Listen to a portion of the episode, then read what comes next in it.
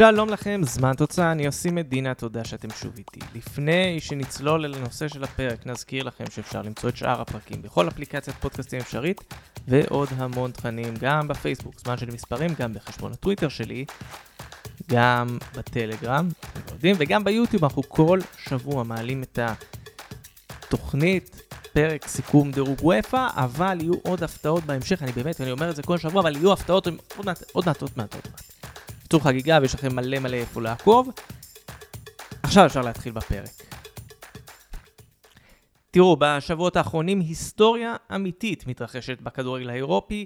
קלקסוויק מאיי פארו, היא הדיחה לפני כמה שבועות את הקן משוודיה בסיבוב המוקדם השני של ליגת האלופות.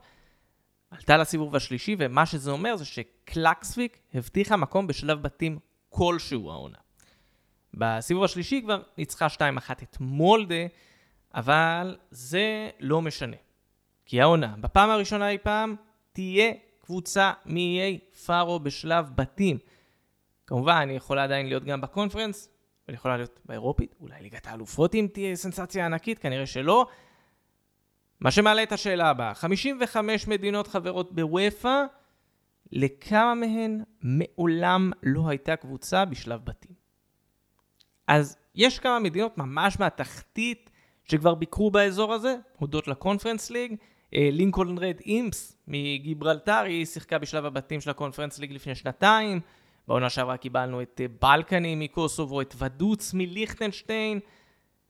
ובסך הכל, מלבד איי פרו, יש עוד שבע מדינות שמעולם לא היה להן ייצוג בשלב בתים אירופי. אבל, הנה ספוילר, כי חוץ מאיי פארו, יש עוד מדינה שתרד מהרשימה העונה. כרגע בסיבוב המוקדם השלישי של הליגה האירופית, יש מפגש בין זרינסקי מבוסניה לבריידבליק מאיסלנד. נגיד שהמשחק הראשון הסתיים ב-6-2 ענק לזרינסקי. המנצחת תבטיח נציגות ראשונה לליגה שלה בשלב בתים אירופי, לא בוסניה ולא איסלנד ראו נציגות בשלב הזה. בהקשר הזה נגיד שבעונה שעברה זרינסקי הגיע מאוד קרוב, הגיע לפלייאוף הקונפרנס ליג והפסידה שם בפנדלים לסלובן ברטיסלבה, אבל אה, מלבד זה כמעט ולא היו הופעות אה, לקבוצות בוסניות בשלבי הפלייאוף.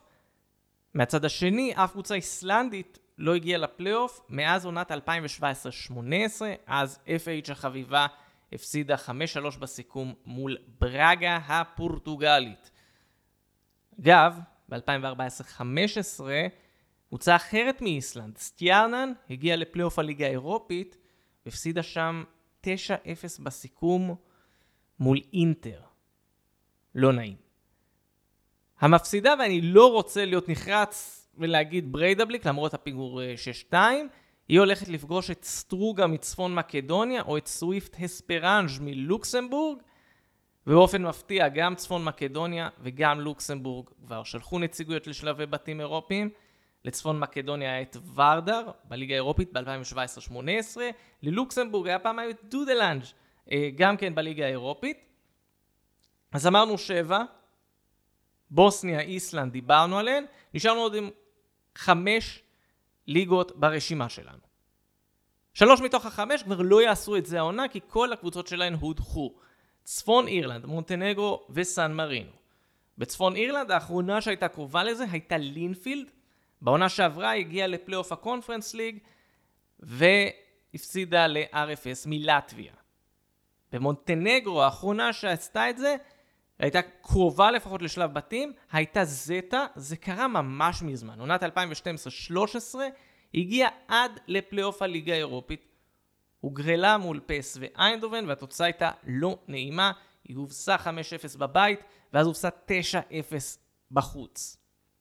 סן מרינו, אני לא הולך להפתיע אתכם, מעולם לא הייתה לה נציגות בשלב הפלייאוף, יותר מזה, אף קבוצה מסן מרינו מעולם לא הגיעה לסיבוב מוקדמות שלישי.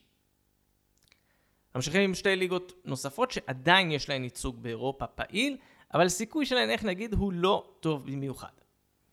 אחת זו אנדורה, היא נותרה עם נציגה אחת באירופה עונה, סנטה קולומה יקירתנו, אבל גם לה אין סיכוי אמיתי לעבור לסיבוב הבא. היא פוגשת את אלקמר, במשחק הראשון היא הפסידה 1-0 בבית, כנראה שבהולנד זה לא יהיה יותר טוב. למעשה סנטה קולומה רושמת היסטוריה עונה, היא הופכת לקבוצה הראשונה מאנדורה שמגיעה לסיבוב מוקדמות שלישי. אחרונה, מלטה. למלטה יש שתי קבוצות פעילות, אבל שתיהן הובסו במשחק הראשון.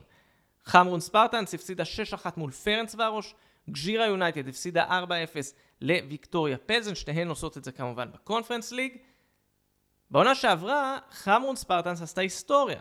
היא הגיעה בפעם הראשונה בתולדותיה, בפעם הראשונה של קבוצה מלטזית, לשלב הפלייאוף. היא הצליחה להגיע עד לשלב הזה אחרי שהיא ניצחה בין היתר את לבסקי סופיה. בפלייאוף היא הובסה 4-1 במשחק הראשון מול פרטיזן בלגרד, אבל לפחות התנחמה עם תיקו 3-3 בגומלין.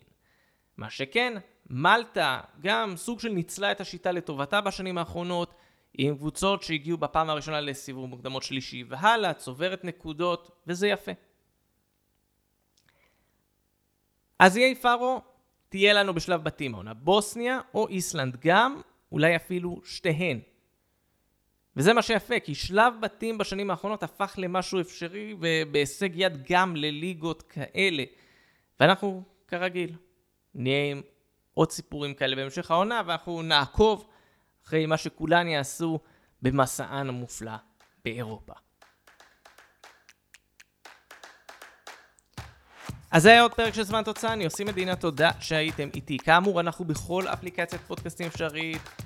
חפשו זמן של מספרים בפייסבוק, אל תשכחו את חשבון הטוויטר שלי, יש גם טלגרם, דיברנו על כל אלה, ויש גם את היוטיוב. ביוטיוב אמרתי לכם כבר, דירוג וופא כל יום שישי בבוקר, הפתעות נוספות בהמשך.